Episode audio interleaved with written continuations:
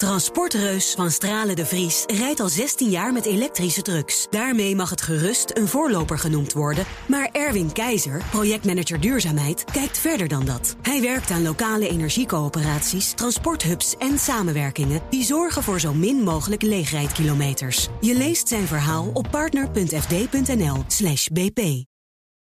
Blijf scherp. BNR Nieuwsradio. De wereld.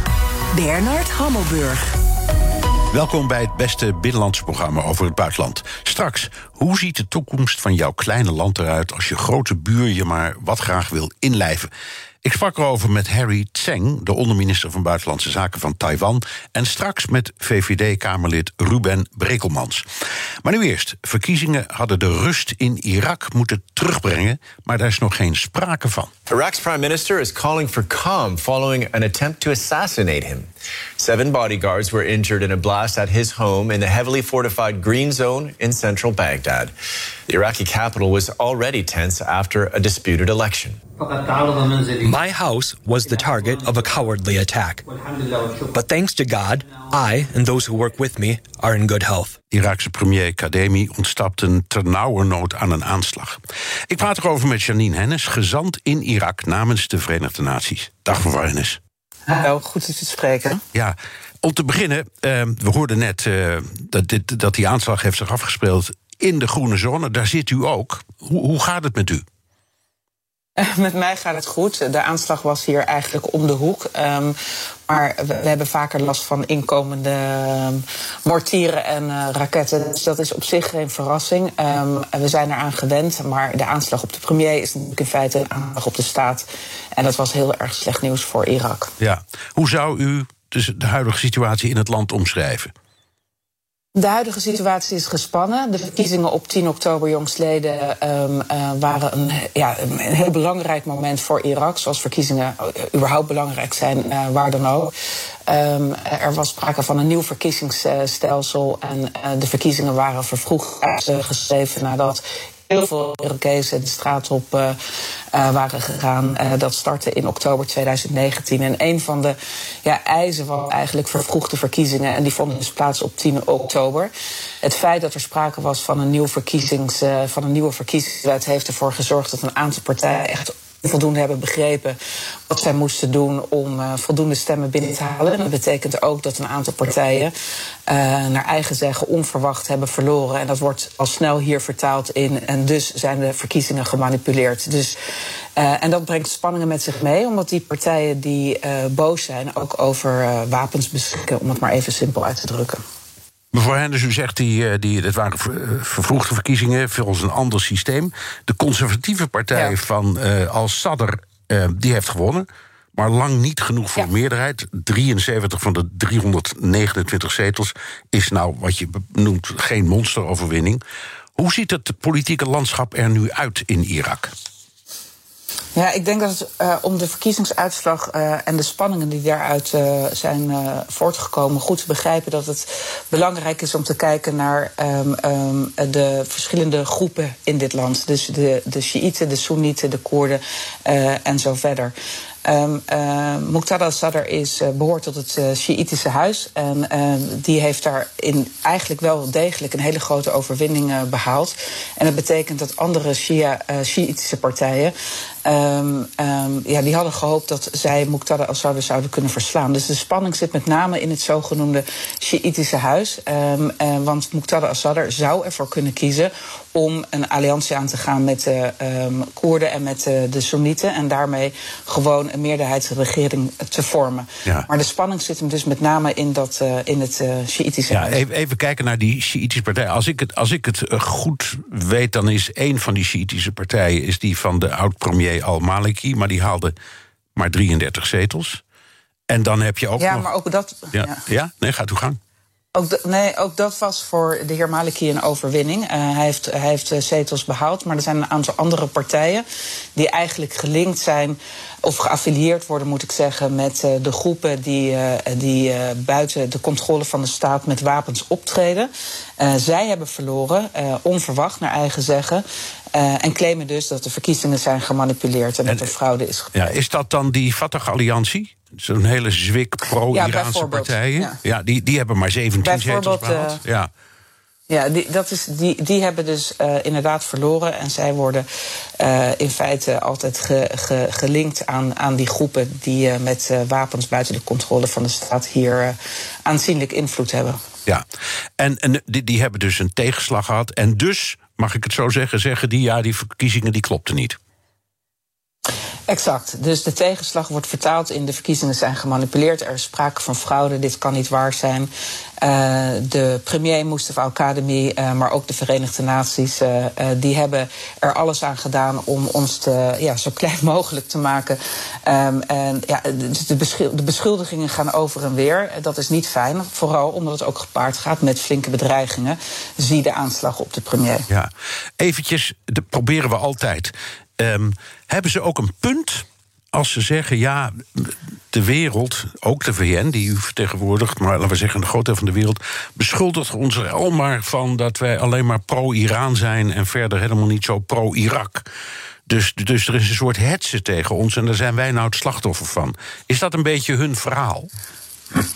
Nou, en dat is ook, daar hebben ze op zich ook nog wel een punt. Kijk, de, de link met Iran is er. ehm, en daar hoeven we helemaal niet ingewikkeld over te doen. En daar zijn ze zelf ook niet heel erg, ehm, eh, eh, doen ze zelf ook niet heel erg moeilijk over. Ehm, maar ze, ze position- positioneren zichzelf graag als nou. En dat is ook terecht. Maar wat er vaak door de buitenwereld wordt gedaan, dus door groepen en landen en mensen die Irak onvoldoende kennen, is dat ze één op één gelijk worden geschakeld met Teheran. Dat irriteert ze. En daarmee krijgen ze het gevoel eigenlijk permanent in een hoek te worden weggezet waar ze niet willen zitten. Eh, nou, er zit aan, weet je, daar kun je lang of kort over praten. Er is een link met, eh, met Iran. Eh, maar dat wil niet zeggen dat zij vergeten dat ze Irakezen zijn. Feit is dat zij een andere opvatting hebben over hoe de staat zich moet gedragen. En hoe bepaalde groepen die over ontzettend veel wapens beschikken. ehm, eh, al dan niet binnen de controle of buiten de controle van de staat zouden mogen opereren. Ja. De opkomst was 44 procent, als ik het goed heb gezien. Ehm, dat is ook niet zoveel. U hebt de verkiezingen gemonitord. Zijn die volgens u niettemin wel degelijk goed verlopen? Of heeft die Fatah Alliantie een punt? Nee, de, de, opkomst is bescheiden met de 43 procent. Ehm, maar dat wil niet zeggen dat de verkiezingen niet meer legitiem zijn. Irak zit in een hele moeilijke fase. Het zijn de vijfde verkiezingen sinds zij eh, eigenlijk bevrijd zijn van eh, Saddam Hussein. En heel veel Irakezen ehm, stellen dat dit eigenlijk de meest transpa tra- transparante verkiezingen zijn geweest. eh, in vergelijking met eh, de vorige verkiezingen. Eh, technisch gezien heel goed gemanaged. Dat wil niet zeggen dat alles, alles maar perfect is. Maar wat wij hebben ehm, gezien en gemonitord, en niet alleen de Verenigde Naties, maar ook anderen, is dat er van systematische fraude absoluut geen sprake is geweest. Dus het is ook een beetje een, iets om je achter te verschuilen, om je verlies te verklaren, in plaats van goed te kijken naar wat, wat hebben wij nu eigenlijk verkeerd gedaan. Eh, zijn wij onvoldoende in staat geweest om de kiezers te mobiliseren? Hebben we de wet onvoldoende begrepen? Ehm, zijn, zijn, zijn we gewoon ook een beetje het contact kwijtgeraakt met de kiezer? Dat zijn allemaal vragen die ze zelf moeten beantwoorden. Eh, maar vooralsnog ehm, ga je, zoals we het hier spreken, over de fase van, van boosheid en dan eh, ontkenning eerst. En dan komt er boosheid en op een gegeven moment komt er acceptatie. Ehm, en in die, in die fases, daar gaan we nu doorheen. En uiteindelijk vermoed ik dat er wel acceptatie komt. Maar alles hangt af van ehm, een formatiefase. En of die voldoende inclusief is en iedereen zich voldoende gehoord voelt. En, en zekerheid krijgt over wat, welke belangen zij eh, graag zouden willen eh, behartigd zien in de toekomst. Ja, maar ja, ik denk toch meteen aan eh, Trump en Biden. Daar heeft er iets dergelijks afgespeeld. Nog steeds trouwens. Ja. En, en als je kijkt Ja. naar versplintering. In Nederland duurt, het voor, duurt de formatie nu al acht maanden. Dus ja, als je dat allemaal vergelijkt. dan kun je zeggen. die, die Irakisch verschillen misschien helemaal niet zo met andere landen. Nee, het is goed dat je dat zegt, want dat zeg ik ook vaak. Eh, eh, Kijk, alle politiek is. eh, Kan, ik bedoel, ik ben zelf politicus geweest. En politiek kan op zijn tijd best heel smerig zijn. Maar het grote verschil is hier dat er heel veel wapens in het spel zijn. ook heel veel corruptie. en andere zaken die we in Nederland of, of ook in de Verenigde Staten minder herkennen en erkennen, gelukkig maar. Um, dus de situatie is hier echt wel anders. Daarbij komt is bij het gebrek aan een regering, een missionaire regering, is er, is er ook echt wel een probleem. Want heel veel ministeries onvoldoende draaien. En de institutionele capaciteit hier gewoon uh, onder de maat is. En dat, dat maakt het. Uh, de vergelijking hè, met, met Nederland bijvoorbeeld echt uh, niet helemaal uh, nee, ja, gepast. Natuurlijk niet, maar het, het idee dat partijen, ik zeg, zeg een beetje over elkaar heen vallen na verkiezingen ja, dat, dat, dat begrijp ik. Nee, dat hoort er allemaal bij. Dat hoort er precies. Nee, maar dat hoort er allemaal, nee, het hoort er allemaal bij. Dat is in Nederland, in de Verenigde Staten, dat is hier ook zo. Dus Irak is echt niet anders dan, uh, dan, uh, betreft, dan, dan, andere okay. landen. Ja, okay, ja exact. Dit is BNR De Wereld. Mijn gast is Janine Hennis, VN-gezant in Irak. Uh, mevrouw Hennis, even over die, die Kadami, die, die deed niet mee aan de verkiezingen. Uh, maar die heeft wel de steun van de VS en Iran. Dat heeft niet iedereen daar. Zou dat dan toch niet de ideale man zijn om gewoon als premier aan te blijven? Nou, ik denk dat de, de kaarten van Mustafa Academy voor, de vol, voor, voor opnieuw een premierschap uh, helemaal niet zo slecht zijn. Um, eerlijk gezegd vind ik het nu niet zo interessant of hij de steun heeft van de Amerikanen en, uh, en Iran. Wat wel interessant is, is hoe hij zal worden ingezet door de verschillende Sjiitische partijen met name, uh, als het gaat om ja, het behartigen van bepaalde belangen. Mustafa Academy is ook heel duidelijk geweest in dat hij niet zomaar opnieuw premier gaat worden, alleen als hij ook voldoende ruimte krijgt om essentiële hervormingen door te gaan voeren. Uh, want als dat niet gebeurt op korte termijn, dan, ja, dan, dan, dan loopt Irak vanzelf tegen een hele grote muur op. Ja. Het thema komt steeds terug, eh, mevrouw Hennis, Soenieten en Shiiten. En, en we hebben het al eens eerder besproken, maar toch maar. Is, is de zaak niet enorm uit de hand gelopen toen na uh, de verwijdering van Saddam Hussein um, uh, Brammer, de Amerikaan, daar het voor het zeggen kreeg en die Soeniet en de, en de Soenieten compleet heeft uitgesloten. Is dat een kwestie die nog steeds speelt? Want die Soenieten hadden de macht, maar waren ook een minderheid. De Shiiten hadden een meerderheid, maar voelden zich onderdrukt. Is dat iets wat eigenlijk nog steeds dit conflict bepaalt? Nou, ik denk, er zijn bepaalde beslissingen toen genomen die nu nog steeds uh, doorwerken. Uh, um, het, uh, los van Soenieten of Shiiten zijn er toen beslissingen genomen om bijvoorbeeld iedereen naar huis te sturen die ook maar iets met het regime van Saddam te maken had. En dan heb ik het ook over gewoon de ambtenaren, um, militairen en ga zo maar door. Dus de institutionele capaciteit die er toen was, die is in heel groot tempo afgebroken. En tot op de dag van vandaag is er grote moeite om dat opnieuw uh, vorm te geven of goed vorm te geven. Daarnaast speelt natuurlijk inderdaad uh, uh, Koerden. Het speelt allemaal een rol. Want iedereen wil vertegenwoordigd zijn. En het heeft een systeem gecreëerd waarbij eigenlijk um, de corruptie, die onder Saddam ook al aanwezig was, maar nog groter is geworden. Omdat um, een Soenitische of een Shiïtische of een Koerdische ambtenaar uh, op die manier wordt aangestuurd vanuit um, uh, de, het Shiïtisch, of Koerdisch leiderschap. En dat, dat is um, ongelooflijk pijnlijk om te zien. Ja. En dat maakt ook een transparant bestuur wel haast onmogelijk. Kun je, kun je zeggen dat Bremer destijds een dramatische fout heeft gemaakt door al die Soenieten weg te jagen, althans uit, uit hun posten? Of, of, of sterker nog, ze in de armen van IS te jagen? Uh, nou, dat gaat wel heel erg ver. Want dat, ik bedoel, daar zijn ook nog heel veel jaren uh, aan vooraf gegaan. voordat Daesh hier op het toneel uh, is verschenen. En ik denk dat het leiderschap van Irak ook daar een rol heeft gespeeld. Omdat er te veel ruimte werd gegeven aan het Shiïtisch leiderschap. Um, om andere groepen in Irak eigenlijk te marginaliseren. En steeds meer de Sjiitische dominantie um, te bevorderen. Um, en dat heeft uiteindelijk ook geleid tot uh, Daesh of IS, die hier voet aan de grond heeft gekregen. Maar terug naar, naar de tijd van Bremer, zonder nu persoonlijk te gaan worden, dat zou echt niet ver zijn. Maar ik denk dat de beslissing om toen die institutionele capaciteit die er was, zo snel af te breken, um, dat is. Ik denk dat heel veel mensen, als ze daarop terugkijken, zeggen dat hadden we anders moeten doen. Ja, ja. We hadden het over IS. Um dat is daar nog steeds. Nederland zit er ook nog altijd met 175 militairen in Irak in een anti-IS-coalitie. wat doet die coalitie op dit moment en is er sprake van enig succes? Nou, kijk, er is natuurlijk wel sprake, want uh, uh, Daesh of ISIS die had uh, grondgebied in handen en veel ook. En dat is al een tijd niet meer het geval, maar ze zijn er nog steeds. Dus de zogenoemde strongholds die, van ISIS die zijn, vormen nog steeds een groot risico. En we hebben ook nog steeds met regelmaat aanslagen hier.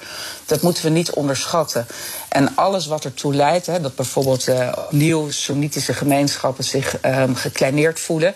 Uh, dat kan natuurlijk weer um, uh, voeding geven aan zo'n terroristische groep om, om groter te gaan worden. Dus alle hands aan dek zou ik willen zeggen voor de volgende regering om zo inclusief mogelijk uh, te opereren.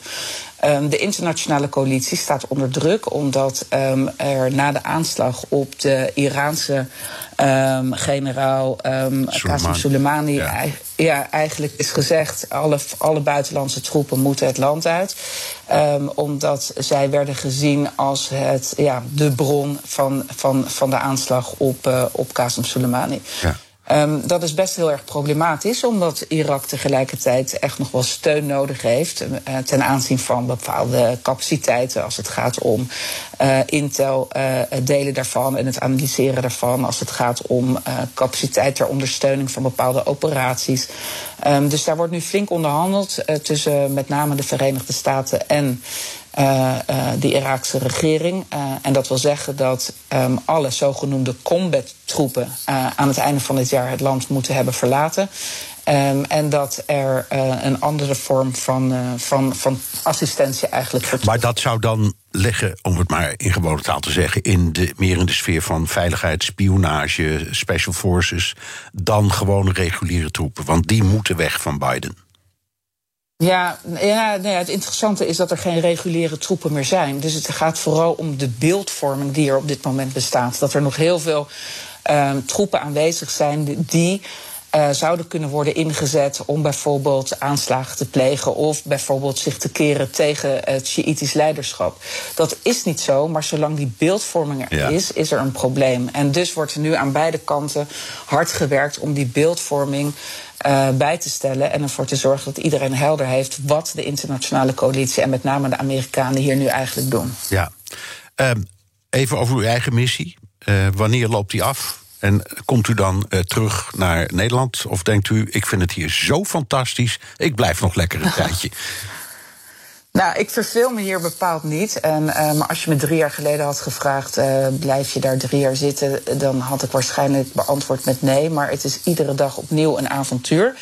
Um, dus ik heb eigenlijk net weer bijgetekend uh, voor nog een jaar. Oké. Okay. Ik wens u heel veel succes. Heel hartelijk dank. Janine Hennis, gezant in Irak namens de Verenigde Naties. De wereld. Tijd voor een update uit de Europese politiek met Europa-verslaggever Geert-Jan Haan. Hij was een wonderboy van Europees conservatief rechts. Nu stapt de Oostenrijker Sebastian Kurz eruit. Het was mir eine große Ehre, der Republik zehn Jahre dienen zu dürfen. Vielen Dank. Ich werde jetzt aufbrechen und meinen Sohn und meine Freundin aus dem Spital abholen. Vielen Dank. Geert-Jan Haan, wat heeft Koorts precies gezegd? Nou, je hoorde hem op het laatst aangeven dat hij geen vragen van de pers beantwoordde, omdat hij naar het ziekenhuis wilde voor zijn vrouw en kerstverse kind. Afgelopen zaterdag is Koers voor het eerst vader geworden. Dat gebruikt hij eh, om eh, aan te geven dat dat een reden is om zich helemaal uit de Oostenrijkse politiek terug te trekken. Maar er kleven allerlei schandalen ook aan Koerts. En hij gaf aan op deze persconferentie, ik heb hem gezien, duurde ongeveer een kwartier, dat de laatste maanden, weken, dagen bij hem de 100% begeistering en freude, dat die minder is geworden. Ja. Nou, tijd zal het leren of dit om uh, tactische redenen is, zodat hij nog een toekomst als politicus heeft. Um, maar voorlopig stopt hij helemaal. Uh, als voorzitter van um, de EVP, de grootste partij van Oostenrijk, als fractieleider. En twee maanden terug trad hij al terug als bondskanselier. Ook omdat ik zei het al, er kleven allerlei schandalen aan hem. En misschien volgt er binnenkort een aanklacht. En de vraag is dus nu: kan Koerts rustig huisman zijn? Of blijft het House of Koerts hem achtervolgen? Ja. Hij was uh, premier, minister van Buitenlandse Zaken, staatssecretaris, 35 jaar pas. Uh, dat heeft natuurlijk ook erg tot de verbeelding gesproken, die blitzcarrière. Ja, bij mij ook, want ik ben van 1986, net als Sebastian Kurz. Ik heb nog even opgezocht, Bernard. Ik ben dus ouder. En hij was 27 toen hij minister van Buitenlandse Zaken werd. En dan zag je hem naast Frans Timmermans toen staan.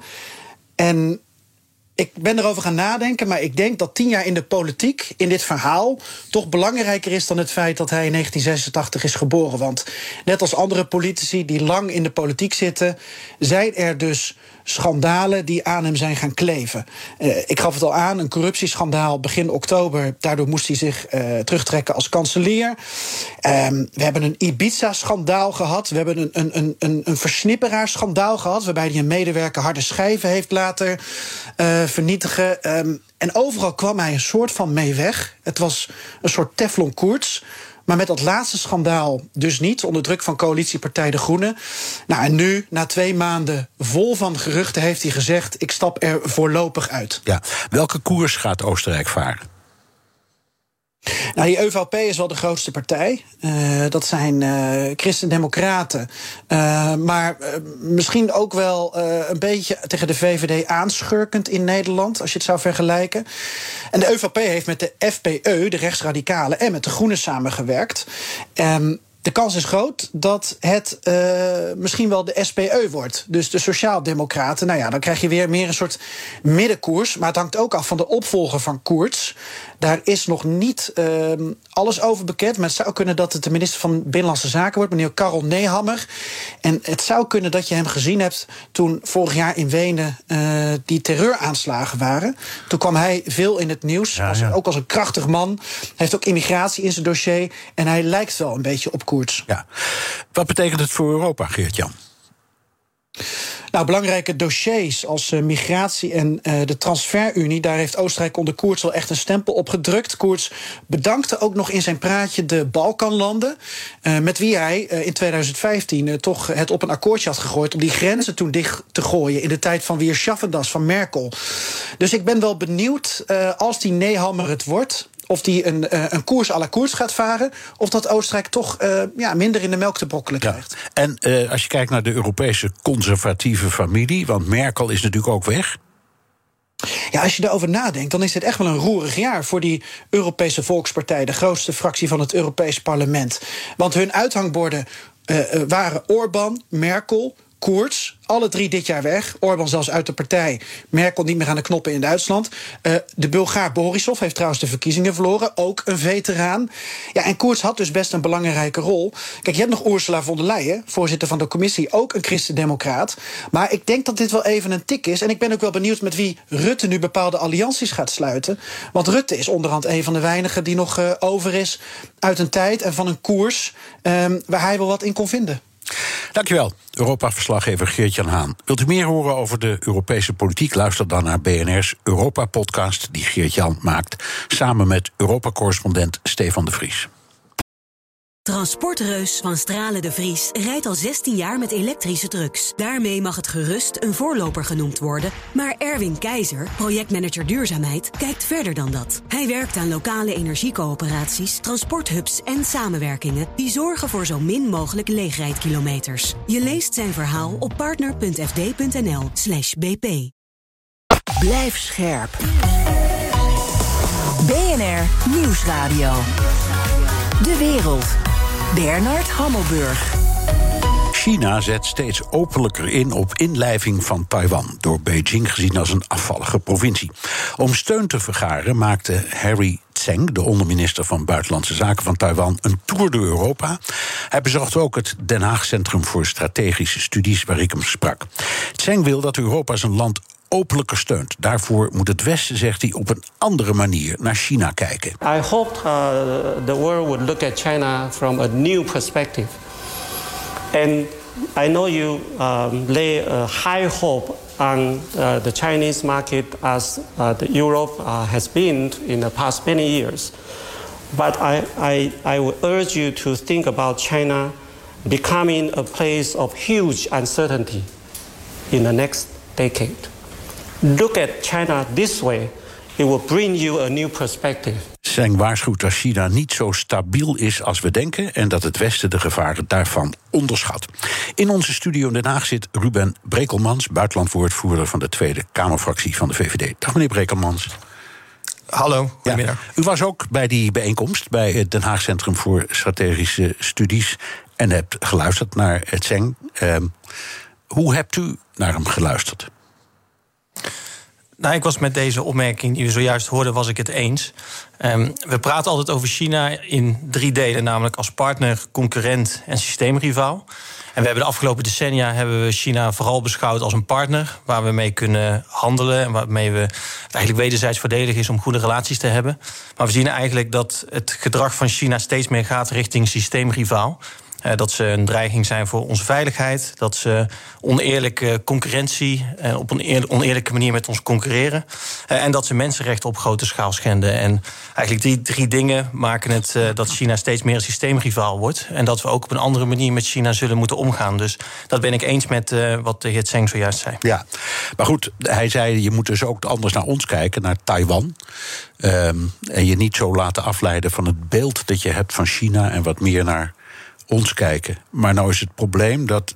Dat is nu eenmaal zo, daar komen we direct nog wel over te spreken. Je moet over Taiwan fluisterend spreken, anders halen we uh, uh, ons de toren van China op de hals. Was dat ook een beetje de frustratie die u van hem hoorde? Ja, dat klopt. Aan, de andere kant vond ik hem daar ook wel juist weer realistisch in. Want uh, er werd ook hem de vraag gesteld: wat, uh, volgens mij stelde jij die vraag ook, wat zou je anders willen in de relatie met westerse landen? En toen legde hij niet een hele concrete wens op tafel. Want hij weet ook als hij iets heel concreet, concreets vraagt, namelijk erkenning van Taiwan, of dat we op een andere manier over Taiwan spreken in internationale organisaties, uh, dat dat inderdaad meteen tot een hele felle reactie vanuit China leidt. Hij zei eigenlijk: zorg dat de banden tussen Taiwan en westerse relaties, westerse landen, dat die sterker worden. En dat wij onze steun uitspreken aan Taiwan. Uh, en dat hij meer in algemene termen. En je ziet ook wel dat landen dat steeds meer doen. Uh, en dat westerse landen daar ook in opschuiven. In wat ze accepteren en de manier waarop ze over Taiwan spreken. Ja, even heel kort door de geschiedenis. In 1949 uh, was er een burgeroorlog. Eindigde de burgeroorlog tussen de communisten van Mao Zedong en de nationalisten van Chiang Kai-shek. Mao stichtte de Volksrepubliek. Chiang nam met zijn volgelingen de wijk naar Taiwan inclusief de landsnaam Republiek China. Tot 71 was Taiwan lid van de VN en China niet. En toen werd Taiwan eruit gezet en China binnengehaald. Uh, de hele wereld, meneer Brekelmans, heeft China sindsdien omarmd. En u gaf het net ook al aan toen u zei... er zijn eigenlijk drie dingen waar je op moet letten. Maar ik, ik let even op twee. Eerst als leverancier voor de westerse industrie... maar ook wel destijds als stabiele macht in Azië. Uh, hebben de Chinezen niet een punt als ze ons verwijten... dat wij, nu China wereldmacht is geworden... krokodillentranen huilen om Taiwan? Nee, dat vind ik niet. Kijk, het, het hangt. Uh, je moet kijken naar de manier waarop China zich opstelt. En in de jaren 70 en ook in de decennia daarna dachten we inderdaad dat als we China nu omarmen en onderdeel maken van de wereldeconomie, dan zullen ze ook vanzelf wel vrijer en democratischer worden. En daarmee ook een open en welwillende uh, macht ten opzichte van omringende landen en ten opzichte van de landen die zij, of de onderdelen die zij als onderdeel van hun invloedssfeer beschouwen. Dus Tibet, Hongkong, Taiwan. Uh, maar we zien eigenlijk precies het tegenovergestelde. We zien dat China zich vijandiger opstelt op wereldtoneel. Uh, dat ze zich vijandiger opstellen ten opzichte van buurlanden. en zeker tot de, de, de, delen die zij als onderdeel van hun eigen land beschouwen. dus een, op een vreedzame manier eigenlijk hè, samen uh, onder één systeem met Taiwan uh, leven. Ja, je ziet dat China dat gewoon niet doet en dat ze Taiwan steeds agressiever bejegenen. Uh, ze sturen straaljagers richting het Taiwanese de militaire zone. ze breiden hun, hun vloot, hun maritieme vloot enorm uit. Ze investeren enorm in, in een raketarsenaal. Ja, dat zijn allemaal geen manieren om de stabiele macht te zijn die wij hoopten dat ze in de jaren 70 zouden zijn. Ja. Dus, ja, nou, nou zegt het Zeng ook, je moet een beetje uitkijken met hoe je over China nadenkt, want het is instabieler dan jullie denken. En tegelijkertijd um, ja, zijn ze vooral uit op meer macht en invloed, dat zegt u ook. Zijn we te afhankelijk van China? Zeker, zeker. Als je kijkt naar hele essentiële producten, zoals eh, onze mobiele telefoons of zonnepanelen of windmolens, eigenlijk alles wat belangrijk is voor onze moderne economie, dan heeft China daarvan ofwel de productie in handen, ofwel de grondstoffen die daarvoor nodig zijn. Um, en dat is denk ik ook wat de heer Cheng bedoelt, is dat um, China heeft de middelen in handen om onze wereldeconomie te ontwrichten. En op het moment dat de spanningen met China oplopen, is, zijn ze waarschijnlijk ook bereid om dat soort economische drukmiddelen in te zetten. Ja. dus als wij ervoor willen zorgen dat wij steviger staan ten opzichte van China en wij zelf in staat zijn om een vuist tegen hen te maken, ja, dan zullen we veel onafhankelijker moeten worden op de producten die voor onze moderne economie essentieel zijn. Ja, hij gaf zelf het, het voorbeeld van corona en, en de, de toeleveringsketens die volgens mij kwetsbaar, volgens hem heel kwetsbaar zijn. Resilience of a certain industrial supply chain was not so much an issue before the pandemic. No. And everybody seems to work uh, and uh, make their due contribution in the supply chain until we found that uh, if your supply chain uh, falls uh, under a country entirely in one country that is not necessarily friendly to, to you or ascribing your value systems, you will be under control uh, to a certain extent. So you, you need a more resilient supply chain. Meneer Breekmans, onderschrijft u zijn visie? Ja, volledig. Um, hij, hij gaf inderdaad duidelijk aan dat tijdens de coronapandemie of het begin van de coronapandemie dat eigenlijk die kwetsbaarheid en die afhankelijkheid van China dat die heel duidelijk en zichtbaar is geworden. Maar eigenlijk was dat sluimerend, was dat al het geval. Um, en inderdaad, waar in het verleden de vraag was: hoe kunnen we onze wereldeconomie zo efficiënt mogelijk inrichten, is nu veel meer de vraag: hoe zorgen we ervoor dat we onze aanvoerketens minder kwetsbaar maken en minder afhankelijk maken van China? Um, en dat is, vraagt echt om een hele brede agenda, want dat vraagt van bedrijven dat ze hun aanvoerketens diverser maken. Uh, dat vraagt dat we delen van onze productie meer richting Europa halen. Uh, en dat is niet zomaar van de ene op de andere dag gebeurd. En dat vraagt wat van de overheid om dat te stimuleren. Uh, daarom heb ik ook uh, het voorstel gedaan, een amendement ingediend om een taskforce daarvoor in te richten. maar dat vraagt ook wat van onze bedrijven. om niet meer de meest efficiënte aanvoerketen volledig via China te laten lopen, maar via andere delen in de wereld. Ja. en dat is echt een grote opgave voor de komende, ja. komende jaren. La, laten we even een paar voorbeeldjes nemen en dan kijken hoe die taskforce daar nou mee om zou moeten gaan. Hè. we hebben een acuut gebrek aan sneltesten. Geen paniek, zeggen de drogisten. De nieuwe voorraad komt eraan. Waar komt die voorraad vandaan, meneer Brekelmans?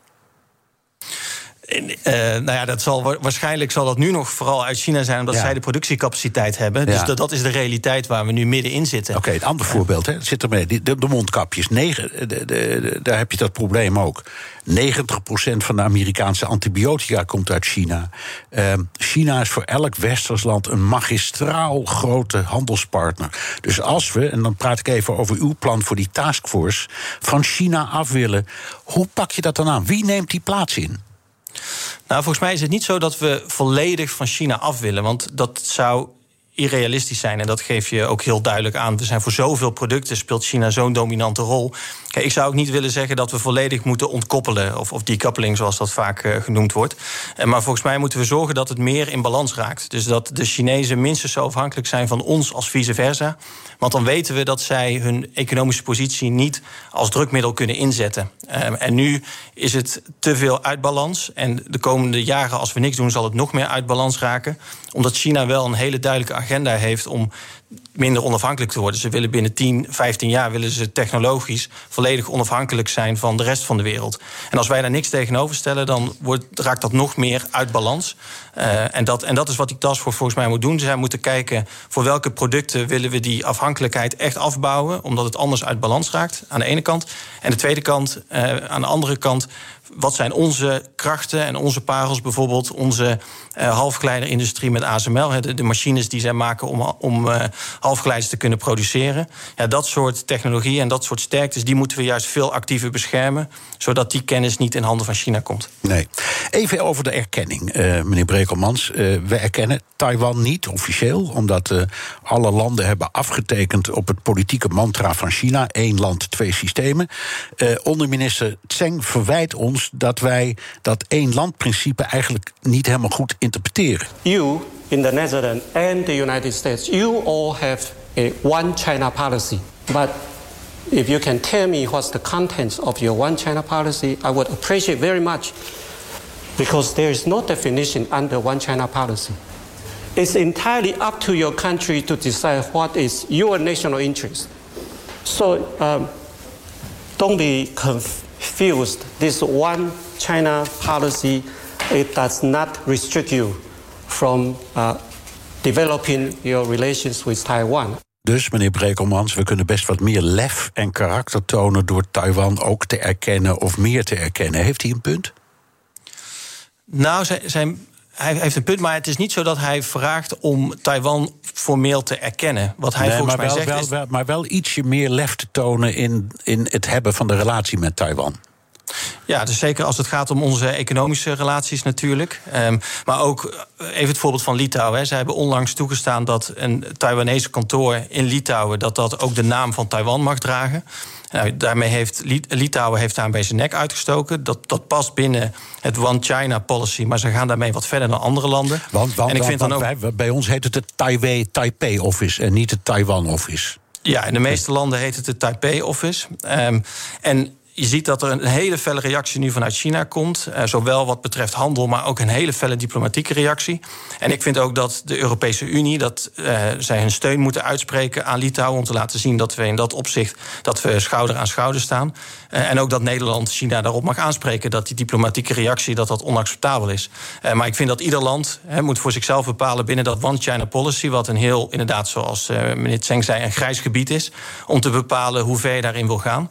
Maar het is natuurlijk het meest krachtig om daar binnen de Europese Unie zoveel mogelijk gezamenlijk in op te trekken. Want als je dat als één klein land doet, zoals Litouwen of als Nederland dat zou doen, ja, dan ben je ook een hele makkelijke prooi voor China voor een enorm felle tegenreactie. En volgens mij moeten we dat voorkomen. Het is echt in dit geval een, letterlijk een beetje één voor alle, alle voor één. Hè? Anders heeft het geen zin. Ja, daar, daar, is China gewoon te groot en te machtig voor... Ja. om als één enkel klein land om daar tegenop te willen ja. Nog, een, nog even één punt dat we moeten bespreken... en dat is um, het gevaar dat Taiwan uh, loopt op, om, om, te worden ingelijfd. Uh, de, de dreiging. President Biden, de Amerikaanse president, uh, heeft gezegd dat hij Taiwan zou verdedigen als dat ooit zou gebeuren. Uh, het State Department, het ministerie van Buitenlandse Zaken, corrigeerde hem onmiddellijk. Uh, stel dat het zou gebeuren, dat er een aanval komt of een bezetting echt. Uh, denkt u dat uh, Amerika in actie komt en wat moeten dan Nederland en de andere Europese landen doen in zo'n geval? Ja, het is heel moeilijk te voorspellen hoe de Amerikanen dan zullen reageren, omdat het helemaal afhangt van de manier en de, de daadkracht waarmee China dat doet. Um, kijk, ongeacht hoe het gebeurt, het zal in ieder geval tot een enorm groot uh, wapengeweld. En als er ook niet alleen via raketten gebeurt, maar ook met mensen echt een invasie, dan zal tot enorme bloedvergiet uh, leiden. Um, de Verenigde Staten hebben al jarenlang een beleid, dat noemen ze strategische ambiguïteit. Dus ze zeggen niet precies wat ze zullen doen op het moment dat Taiwan wordt aangevallen. Um, en je ziet dat binnen dat, dat raamwerk van strategische ambiguïteit, dat de Verenigde Staten daarin steeds steviger taal uit. En dat is ook wat Biden, de quote die hij uitte, die was steviger dan dat eerdere presidenten hebben gedaan. Ja, nou, Trump ook wel. Eerlijk het, Trump uiteraard ja, ook. Die, die ja. was sowieso wat steviger in zijn taalgebruik. Ja. Um, maar ik denk vooral voor, voor, Nederland moeten we niet uitsluiten dat we de Amerikanen daarin zullen ondersteunen. Alleen ik verwacht eerder dat de Amerikanen zullen zeggen: wij concentreren ons op dit gebied. Europa, zorgen jullie nou voor dat jullie meer in staat zijn om je eigen grondgebied te beschermen. En dat is volgens mij de eerste investering die wij moeten doen. Is ervoor zorgen dat we onszelf beter kunnen beschermen tegen de Russen. Zodat de Amerikanen meer middelen vrij kunnen maken in de regio rond Taiwan en in de Indo-Pacific. Ja. Um gesteld nu toch dat die dreiging, die, die dreiging is groot, dat, dat de Chinezen Taiwan willen inlijven om de een of andere manier, en misschien militair, misschien anderszins, dan zijn er ook andere middelen dan militaire. Welke zouden wij kunnen inzetten in dat geval? Of welke moeten we misschien nu al inzetten om de Chinezen duidelijk te maken dat wij zo'n ontwikkeling niet accepteren? Nou, het krachtigste drukmiddel dat wij hebben is onze economie. Wij zijn, voor China zijn wij de grootste afzetmarkt. Dus op het moment dat wij zouden kunnen dreigen met een boycott, dan heeft dat voor China economisch gezien een enorme impact. Uh, en zal voor hen echt wel meewegen in de berekening die zij maken of ze wel of niet tot een aanval van Taiwan willen overgaan. Alleen dan komen we terug op het punt dat we eerder bespraken. We zijn nu economisch zo afhankelijk van China dat wij eigenlijk niet met economische machtsmiddelen kunnen dreigen. En, en dat is ook een belangrijke reden dat we daar echt werk van moeten maken als wij de komende jaren zorgen dat we minder afhankelijk worden. En dan kunnen wij ook veel meer die economische drukmiddelen en die economische dreigementen kunnen we inzetten. Ten slotte, even, ik zeg maar, uw, uw kindje in deze zaak is die taskforce die u hebt voorgesteld. Um, hoe, mhm. hoe ziet u de kansen in de Tweede Kamer en ook in het nieuwe kabinet dat dat werkelijk handen en voeten krijgt? Nou, het amendement uh, in de laatste begroting is in ieder geval gesteund. En die had Kamerbreed met dat gesteund. Um, en het is aan het nieuwe kabinet inderdaad om daar verder invulling aan te geven. Maar wat je wel ziet is dat er eigenlijk in de hele Kamer vrijwel alle partijen zien dat de dreiging van China steeds groter wordt. Uh, en dat onze afhankelijkheid die wij hebben daar steeds eigenlijk die kwetsbaarheid uh, dat die, die steeds problematischer wordt. Dus ik verwacht wel dat er politiek brede steun is om die taskforce echt handen en voeten te geven. En om het afbouwen van die afhankelijkheid, om dat een uh, belangrijke prioriteit te maken in zowel ons buitenlandbeleid als in ons economisch beleid. Dank. Ruben Brekelmans, buitenlandwoordvoerder namens de VVD-fractie. Postma in Amerika. Tijd voor het Amerikaanse nieuws door de ogen van onze correspondent in Washington, Jan Postma. Jan, heel wat democraten zijn blij, want ze doet mee. Stacey Abrams wil gouverneur van Georgia worden. Ja, daar is echt wel wat uh, opwinding over bij uh, Democraten. Ook wel bij Republikeinen trouwens. Maar dat is meer omdat die wat minder blij met die Abrams zijn. Uh, ja, zij verloor de race voor het gouverneurschap in 2018. Hè, met een heel klein verschil. 1,4 procent. Jonge zwarte vrouw. in het toch traditioneel conservatieve Georgia. En ze viel toen al enorm op door het enthousiasme dat ze veroorzaakte. Vrijwilligers, donaties. Ze maakte echt wat los. en zij is een belangrijke reden, denk ik ook, dat Georgia nipt naar Joe Biden ging uh, vorig jaar. Nou, ze willen het weer een keer proberen voor het gouverneurschap dus. En zo kondigden ze dat aan. Leadership that doesn't take credit without also taking responsibility. Leadership that understands the true pain folks are feeling and has real plans. That's the job of governor, to fight for one Georgia, our Georgia. And now it's time to get the job done. Ja, fantastisch hè, met die muziek erop. Oh, ja. Nou, ja. Die violen, ja, je hoort ze Stacy, Stacy roepen. Ja. ja. En, ja, de democraten die kijken natuurlijk nogal angstig naar de komende verkiezingen. Hè. Maar eh, Abrams is dan iemand waar ze dus echt heel optimistisch van worden. En wat ze ook wel interessant vinden bij de Republikeinen... dreigt een beetje verdeeldheid. Want de huidige gouverneur Kemp uh, die, die heeft uh, niet genoeg gedaan... om Trump te helpen bij de verkiezingen, zo vindt Trump zelf. En bij dat verhaal van die, nou, die claims van fraude en zo. Hè. En Trump die schijnt nu een republikeinse tegenkandidaat te gaan uh, steunen. Want hij is echt op wraak uit op uh, Camp. Dus dat zou nog wel eens uh, interessant kunnen worden. Ook een interessante aankondiging door de Republikeinen, beide Republikeinen. Beroemde tv-dokter van Oprah Winfrey wil de politiek in. Ja, Dr. Oz. ken jij hem van de Oprah, Oprah Winfrey? Ja, zeker, natuurlijk. Ja, ja, ja. ja. Het is een bekende eh, verschijning op de Amerikaanse tv. Boekenschrijver ook. Uh, man met veel succes. Had zijn eigen tv-show. Uh, hij is eigenlijk een chirurg, geloof ik. Maar hij wil nu de Senaat in. En ja, Oprah is een democraat. Dan denk je misschien Dr. Oz ook. Maar nee, dit is dus echt een, een conservatieve uh, republikein. En hij gaat echt campagne voeren op het coronabeleid. COVID has shown us that our system is broken. We lost too many lives, too many jobs, and too many opportunities because Washington got it wrong. They took away our freedom without making us safer and tried to kill our spirit and our dignity. Ja, weer die violen, hè? maar nu met een heel ander uh, verhaal. Uh, hij is duidelijk heel kritisch uh, op het beleid van Biden. En het is wel interessant, want die Oz die heeft in het verleden ook zelf wel wat onder vuur gelegen vanwege zijn coronastandpunten. En omdat hij ook wel alternatieve geneeswijzen aanprijst. En andere artsen die wat meer weten over corona, hij is geen specialist natuurlijk, zijn nogal eens oneens met hem. En ja, hij past dus eigenlijk wel in die republikeinse hoek als het om corona gaat. Hij heeft het later ook over free freedom, America first. Dus dat is echt duidelijk een beetje dat Trump-hoekje. Wel opvallend, hij wil de Senaat in voor Pennsylvania... maar hij woont al twintig jaar in New Jersey. Ja, nou goed, dat is vlak om de hoek. Ja, maar goed. Ja, daarom. Ja, ja, nee, dat kan. eh, eh, eh, ja, Hillary Clinton die woonde in Illinois en daarna in Arkansas. Die werd vervolgens senator voor New York. Dus wat dat betreft zijn de Amerikanen maar, flexibel. maar die kocht wel, vlak voordat ze zich verkiesbaar stelde, kocht ze daar een huis. En, en hij moet zijn huis nog kopen. Ja, Dus, dat is eh, waar. hey, Jan, nog iets. President Trump, wij noemen hem keurig president Trump, want dat doet hij zelf ook. Die denkt aan een, die denkt aan een eigen uitgeverij. Ja, precies. Oh, dan zie je toch ook dat het een beetje werkt. Hè? Want Trump die noemt zichzelf ook steeds president. En als zijn aankondigingen, dan ga ik er ook al een beetje aan mee. Ja, en dan heb je dat, dat hoe heet ook weer, dat, dat, dat netwerk, OAN of zo.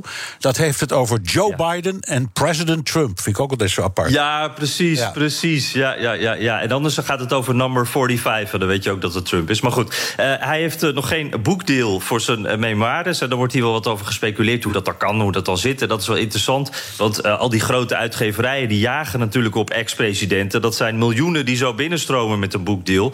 Eh, en eh, Trump dacht, nou, dan doe ik het zelf wel. Eh, dan verdien je er ook meer aan. Past ook wel in dat hele plan hè, van zijn mediabedrijf... wat hij aan het opstarten is. Eh, en nu zou er dan dus ook een conservatieve Trump-uitgeverij komen. Eh, er is nu al een Trump-fotoboek met een terugblik op zijn presidentschap. Dat kost maar 75 dollar, Bernard. Eh, dat eh, stelt toch niks voor. Ik geloof 225 als, als je het gesigneerd moet hebben. Eh, en, ja, en volgens de Trumps gaat die voorverkoop heel goed. Maar goed, dat zeggen ze natuurlijk altijd. Ik geloof het ook wel hoor. Dat zou een soort voorproefje moeten zijn. Want nou, het echte werk komt dan straks dus met zijn eigen boek. Wie weet welke ghostwriter. maar dat zal ook wel weer heel veel geld opleveren. En ik vond het wel interessant. Een andere uitgever die zei... nou, ik denk dat het aan iets heel, heel iets anders ligt... dat dit zo aanpakt. Die zei het tegen Politico. Want eh, Obama die kreeg een gigantisch voorschot. 60 miljoen dollar. eh, samen met eh, zijn vrouw hè, voor een boek. En daar wil Trump niet voor onderdoen. Ja, hij wil altijd winnen. Dus ja, als dat dan niet lukt, dan doet hij het maar zelf. Dankjewel, Jan Posma, correspondent in Washington. Wilt u meer horen over dat fascinerende land? Luister dan naar de Amerika-podcast van Jan en. Tot zover BNR De Wereld. Terugluisteren kan via de site, de app, Spotify of Apple Podcast. Reageren kan via een mailtje naar dewereld.bnr.nl. Tot volgende week. Transportreus van Stralen de Vries rijdt al 16 jaar met elektrische trucks. Daarmee mag het gerust een voorloper genoemd worden. Maar Erwin Keizer, projectmanager duurzaamheid, kijkt verder dan dat. Hij werkt aan lokale energiecoöperaties, transporthubs en samenwerkingen... die zorgen voor zo min mogelijk leegrijdkilometers. Je leest zijn verhaal op partner.fd.nl bp.